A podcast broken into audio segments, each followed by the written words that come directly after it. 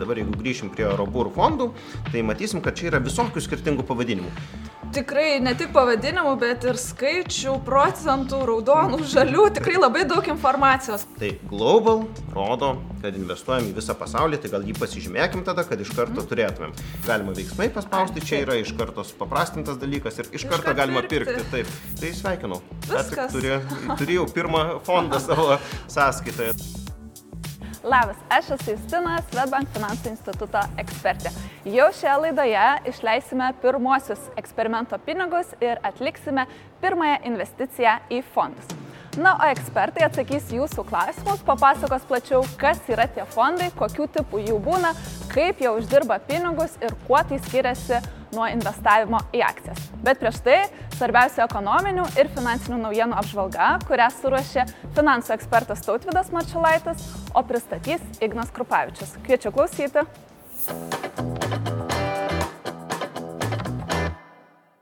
Labas, aš Ignas Krupavičius ir kviečiu skirti kelias minutės susipažinti, kas svarbaus pastaruoju metu nutiko finansų rinkose. Pradėkime nuo skaičių. Rinkos toliau džiugina investuotojus. Nuo metų pradžios didžiausių pasaulio įmonių akcijų kainą sekantis indeksas augo 13 procentų. Labiausiai kyla didžiausių pasaulio įmonių - Apple, Microsoft, Google akcijos, kai kurios jų per pusmetį sugeneravo daugiau nei 30 procentų gražos. Svarbiausios gyventojams ir verslams šešių mėnesių Euriboro palūkanos birželio viduryje laikėsi ties šią ribą.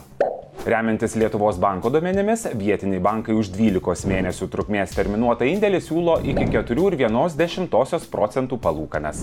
O dabar apie kelis įdomiausius ir svarbiausius ekonominius įvykius. Pasibaigus Junktinių Amerikos valstijų skolos lubų dramai, dėmesys vėl krypo į makroekonominius procesus. Būtent jie lemia centrinių bankų sprendimus, kurie šiemet ypač aktualūs finansų rinkoms ir investuotojams. Birželio 14 dieną Junktinių valstijų centrinis bankas nutarė bazinių palūkanų nekeisti. Ir tai pirmas toks sprendimas per ilgą laiką. Palūkanos prieš tai didintos net 10 kartų iš eilės. Beje, šiemet už Atlanto planuojami dar du nedideli palūkanų kilstelėjimai. Diena vėliau Europos centrinis bankas, kaip ir prognozavo rinka, bazinės palūkanas padidino 25 procento. Ekspertai sako, kad šiemet Europoje galima tikėtis dar bent vieno palūkanų didinimo. Birželio pradžioje Saudo Arabija, motivuodama per daug nukritusią žaliavos kainą rinkoje, paskelbė apie naftos pasiūlos mažinimą, tačiau kainoms teigiamos įtakos tai nepadarė. VTI rūšės nafta mėnesio viduryje testavo šių metų žemumas ir kainavo 67-68 JAV dolerius už barelį. Tuo metu dujų kaina Europoje ir toliau mažėja. Patikslinus pirmojo ketvirčio bendrojo vidaus produkto duomenis, šiemet eurozonoje fiksuota techninė recesija. Kol kas ekonomika nežymiai traukėsi ir keliami esminiai klausimai. Ar tuo šis susitraukimas ir pasibaigs, ar tai tik proceso pradžia. Gilesnė recesija šiuo metu yra viena didžiausių investuotojų baimių. Kita žinia. Junktinio Amerikos valstijų vertybinių popierių komisija pradėjo atvirą karą prieš kripto pasaulį. Birželio pradžioje kaltinimai dėl įstatymų ir reikalavimų nesilaikymo pateikti didžiausioms kripto keitykloms - Binance ir Coinbase. Nors teisiniai procesai greičiausiai užtruks, tokia reguliatoriaus pozicija bent trumpuoju laikotarpiu apsunkina kripto pripažinimą. Šį kartą tiek apie finansų rinkų naujienas, gerų darbų ar atostogų ir iki pasimatymo po dviejų savaičių. Ačiū Ignai, primenu, kad laidos investavimo akademija ekspertai atsako į jūsų užduotus klausimus, kuriuos paliekate po specialiais įrašais Svetbank Lietuvoje Instagram paskyroje bei Facebook grupėje Pinigai ir reikalai. Na, o šiandien į žiūrovų užduotus klausimus atsakys jums jau pažįstamas Tautvidas Marčiulaitis ir Svetbank atstovas Andrius Šuminas.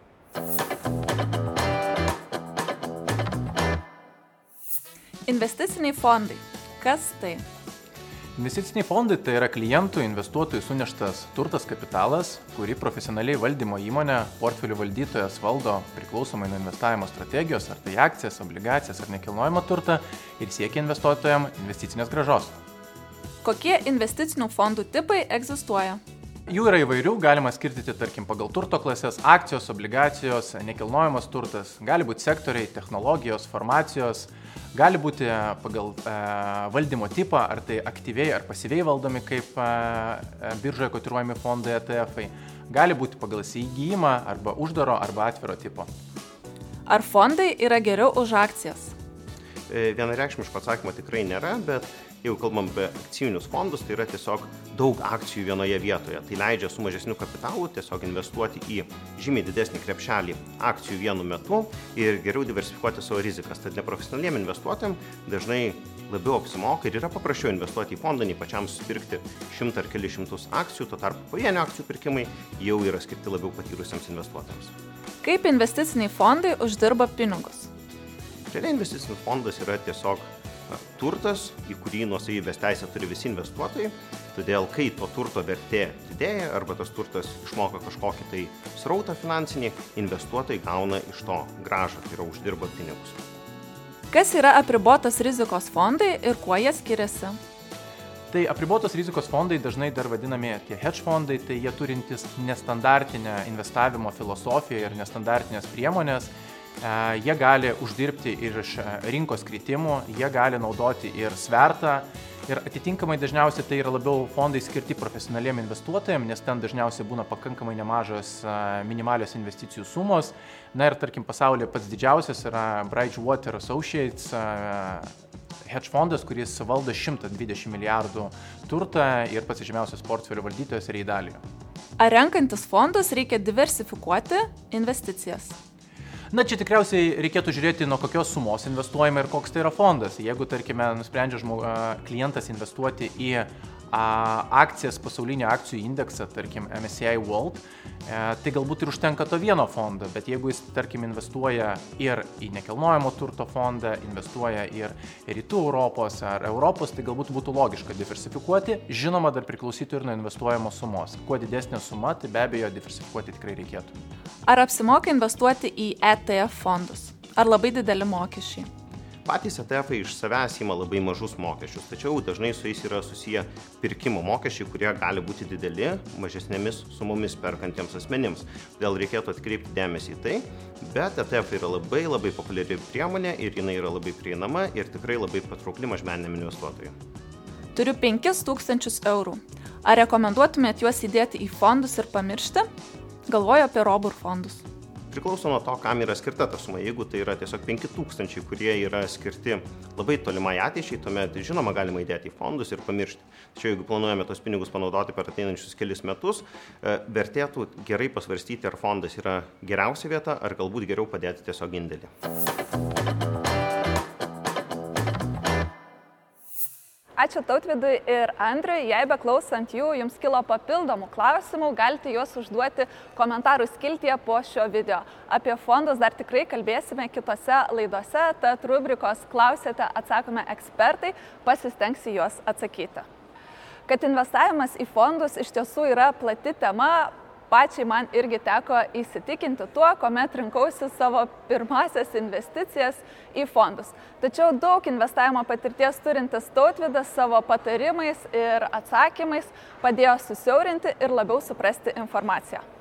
Na, žiūrovams, kurie prie Investavimo akademiją laidos prisijungėte pirmą kartą, priminsiu, kad investavimo eksperimentas tai projektas, kuris tęsis apie keturis mėnesius ir kartu su Tautvidu Marčiulaičiu išbandysiu skirtingas investicinės priemonės. Iš viso investavimui skirsiu 1000 eurų, o jūs galėsite žiūrėti, kaip skirstau šiuos pinigus ir kaip sekasi mano investicijoms.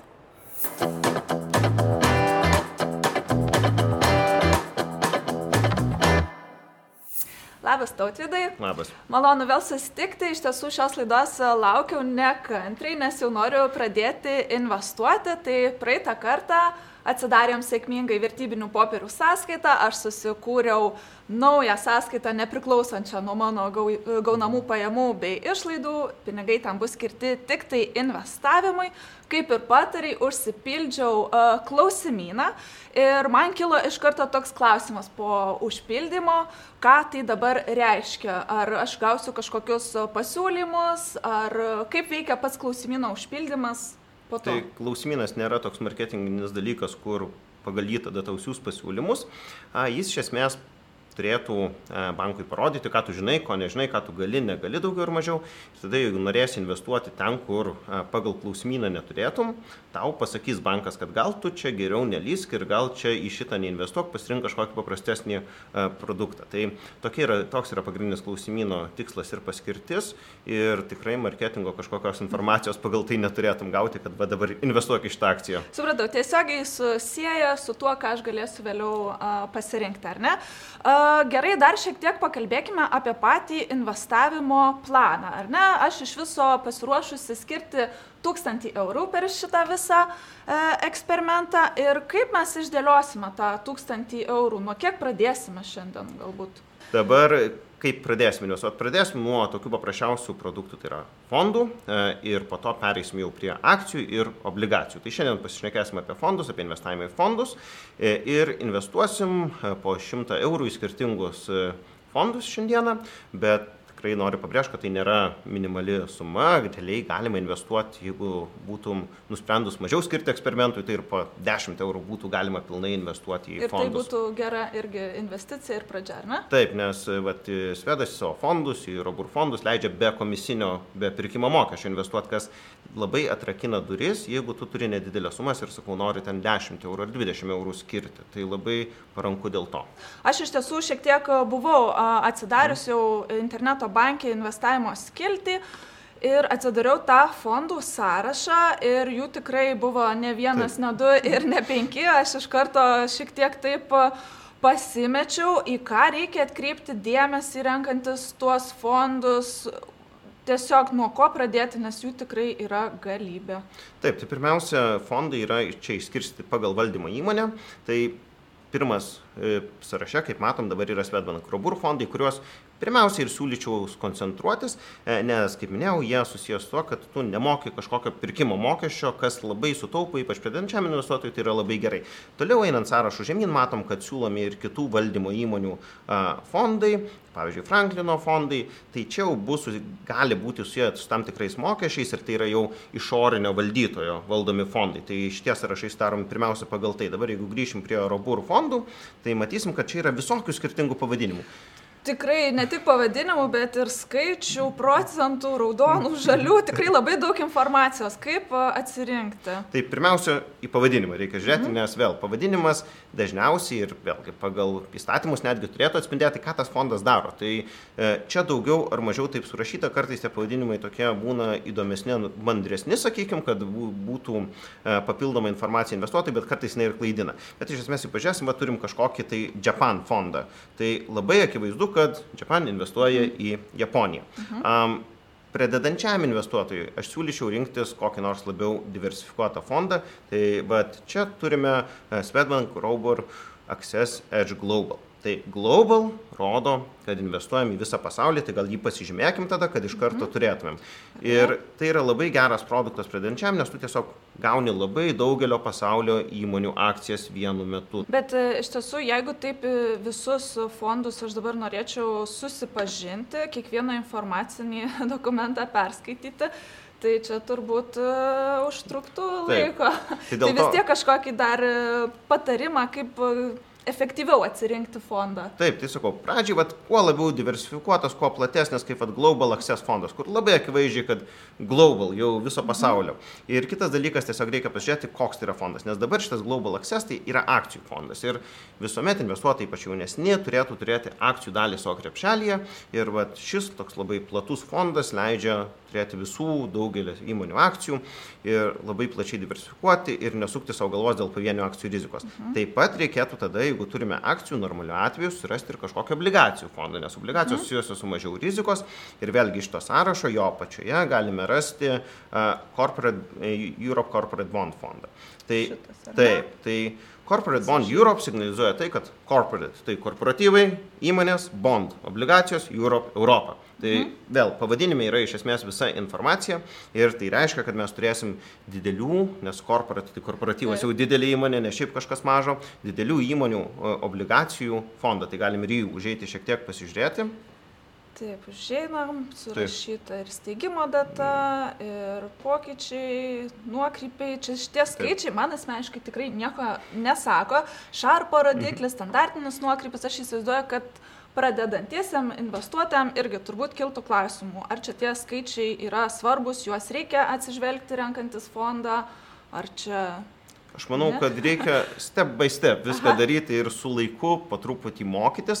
A, šita skalė, vat, pavyzdžiui, rizikos skalė, kurią matom, jinai yra svarbi, nes kaip tik šitas kaip tik yra žymiai mažesnės mhm. rizikos negu pirmasis ir mes taip diversifikuojam savo riziką. Įdedam, nes patys fondai jau yra diversifikuoti produktų prasme, bet mes dabar rinkdamiesi du fondus diversifikuojam ir prisijimama rizika. Ir čia turbūt yra toks svarbesnis momentas. Šarpai standartiniai nuokrypiai ateis, ateis su laiku ir tikrai nereikia nuo jų pradėti. Supratau, nereikia čia užsigriepti per daug. Taip kad paskui informacijos irgi galvoj susimaišys.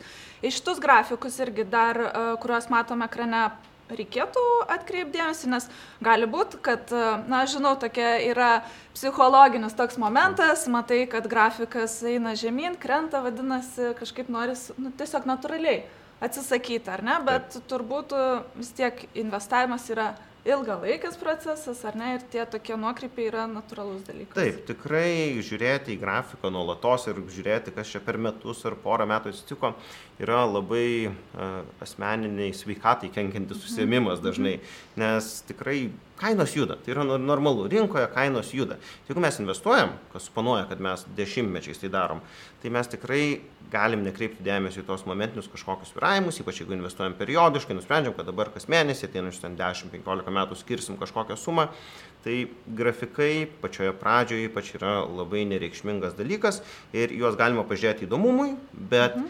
naudos kažkokios jie teikia ypatingai mažai, ypač kuomet kalbam apie fondus. Mhm. Žodžiu, nestresuoti, susipažinti, Taip. bet nestresuoti, ar ne? Taip. Gerai, tai manau, pradžioj gal tų dviejų fondų ar ne ir pakaks ir dabar galėtume tikrai, tikrai pakaks dviejų fondų, manau, pačiai pradžiai pabandom investuoti tada į pirmą, tai yra Taip. šitą Edge Global. Edge Global. Tai aš Taip. jį pasižymiu, ar Taip. į jį reikia užeiti į vidų? Taip, arba galima veiksmai paspausti, Ai, čia yra iš karto supaprastintas dalykas ir iš, iš karto galima pirkti. pirkti. Taip, Gali. viskas yra labai paprasta. Dar yra ir periodinis investavimas, jeigu kažkas norėtų po mažą sumą kažką tiesiog automatiškai investuoti, kad nereikėtų kiekvieną kartą to daryti, bet šiuo atveju mes tiesiog mhm. nusipirksim už 100 eurų. Taip, mano sąskaita vertybinių popierių pavadinta investavimo eksperimentas. Taip. Uh, ir uh, Taip, suvedam sumą. Sumą 100 eurų iš šito. Taip, vieną. pabandom 100 eurų, pažiūrėsim, kas bus. Gerai. Nu, čia Taip. paliekam. Kaip sakiau, reikia perskaityti. Tai būtinai... Gerai, paspaudžiam, paskaitysim informaciją, dokumentą, trys lapai nėra labai daug. Taip, tai čia yra visa pagrindinė informacija, vėl nurodyta kažkokie rizikos e, lygis, nurodyti mokesčiai, tiki, kokios gražos tikisi e, fondo kuriejas, kokie gali būti neigiami scenarijai ir taip toliau. Tai informacija yra labai svarbi apie mokesčius, apie išlaidas yra labai daug informacijos. Tai tikrai būtina susipažinti tam, kad geriau suprastum. Koncentruotai, aiškiai, paprastai. Taip. Gerai. Taip. E, perskaitėm, Perskaitėm, supratom ir Dabar taip patikrinimas. Tai dabar, kai paspausim šitą, matysim jau visą informaciją, kurią mes davėm bankui ir bankas klausia, ar tikrai viskas gerai. Tai peržiūrim, ar tikrai viskas gerai. Ir čia yra vėlgi informacija apie mhm. riziką. Klientai. Patvirtinam, kad susipažinom. Taip, susipažinom tą riziką ir, ir patvirtinam. Tai sveikinu. Viskas. Turi, turėjau pirmą fondą savo sąskaitoje. Dabar vėl, kas dažnai nutinka šiuo metu, žmonės eina iš karto žiūrėti, kaip tas fondas. Aha. Tai už fondą atsiskaitimas vyks po kelių dienų, dabar pinigai yra rezervuoti ir po kelių dienų įvyks atsiskaitimas, nes tiesiog taip veikia finansų rinkos, tai yra e, atsiskaitimas įvyksta vėliau negu sudaromas sandoris, pirmas sudaromas sandoris. Pirmąją investiciją padarėm į rizikingesnį fondą, ar ne? Dabar keliausime į mažesnės rizikos. Taip kuris čia yra, primink. Europos įmonių obligacijų fondas, e, tai šiek taip. tiek taip, šitas, būtent šitas, e, dabar investuosim į tą mažesnės rizikos fondą ir iš esmės padarysim tą patį, ką darėme prieš tai, tai visus tos pačius paprastus veiksmus. Mhm. Tvarko, tai spaudžiu veiksmai, pirkti ir perku. Taip. Kur dabar aš galėčiau įsijungti ir pažiūrėti e, tuos... Savo portfelį, tiesiog mano portfelis. Portfelį. Taip, ir dabar bus, va, laukiantis nebaigti vykdyti pavedimai, tai čia jau Aha. tu patikė, kaip minėjau, sandorį padarėjai, Dabar lauksiu, kol pinigai bus nuskaityti. Jie yra sąskaitoje rezervuoti ir už poros dienų e, gausi žinutę į telefoną, kad pinigai nuskaityti. Tai jeigu įsijungus tuos, kur iššoka notifikacijas, tai pamatysi, kad pinigai yra nuskaityti. Ir tada jau vėl čia jau matysi aiškiai, kiek vienetų turi, už kokią kainą juos pirkai ir kiek jie kainuos tuo metu, kai žiūrėsi ir kokia bus jų rinkos vertė tą dieną, kai žiūrėsi tai jinai gali e, skirtis nuo, nuo to, ką pirkom šiandien mhm. akivaizdžiai, nes, kaip minėjom, kainos tikrai sviruoja, ypač akcijų kainos jos per dieną gali ten 3-4 procentais pasikeisti būna visko, bet dėl to nereikia pergyventi. Tai aš manau, mes kitą laidą tikrai kartu pažiūrėsime jau konkrečiai, kokios yra kainos, kaip atrodo tie fondai, o ką darysime dar kitoje laidoje, su kuo, į kokį mhm. kitą galbūt uh, produktą eisime, ar vis dar pasiliksime prie tų fondų, nes liko tikrai labai mhm. daug dar jų. Tai pasiliksim dar vieną kartą prie fondų, nes pažiūrėsim, kaip šitiems sekas, kaip buvo atsiskaitimas, kas pasikeitė per tą laiką, kaip čia sviruoja, bet pašnekėsim, kaip tu jautiesi su dviem skirtingais daiktais, kurie skirtingai sviruoja ir pabandysim tada dar painvestuoti į fondus, o vėliau jau pereisim prie akcijų, kas turbūt daugelį yra įdomiausia dalis, tai yra akcijas, tai rinksimės akcijas, bet čia jau vėliau, kol kas reikia supažinti su fondais ir tikrai labai gerai pasitikrinti rizikos savo, laimę laipsnį, lygį, e, tik tada jau galima eiti toliau. Super, tai ačiū už tą lengvą investavimo pradžią ir susitiksime tuomet kitoje laidoje. Ačiū tau.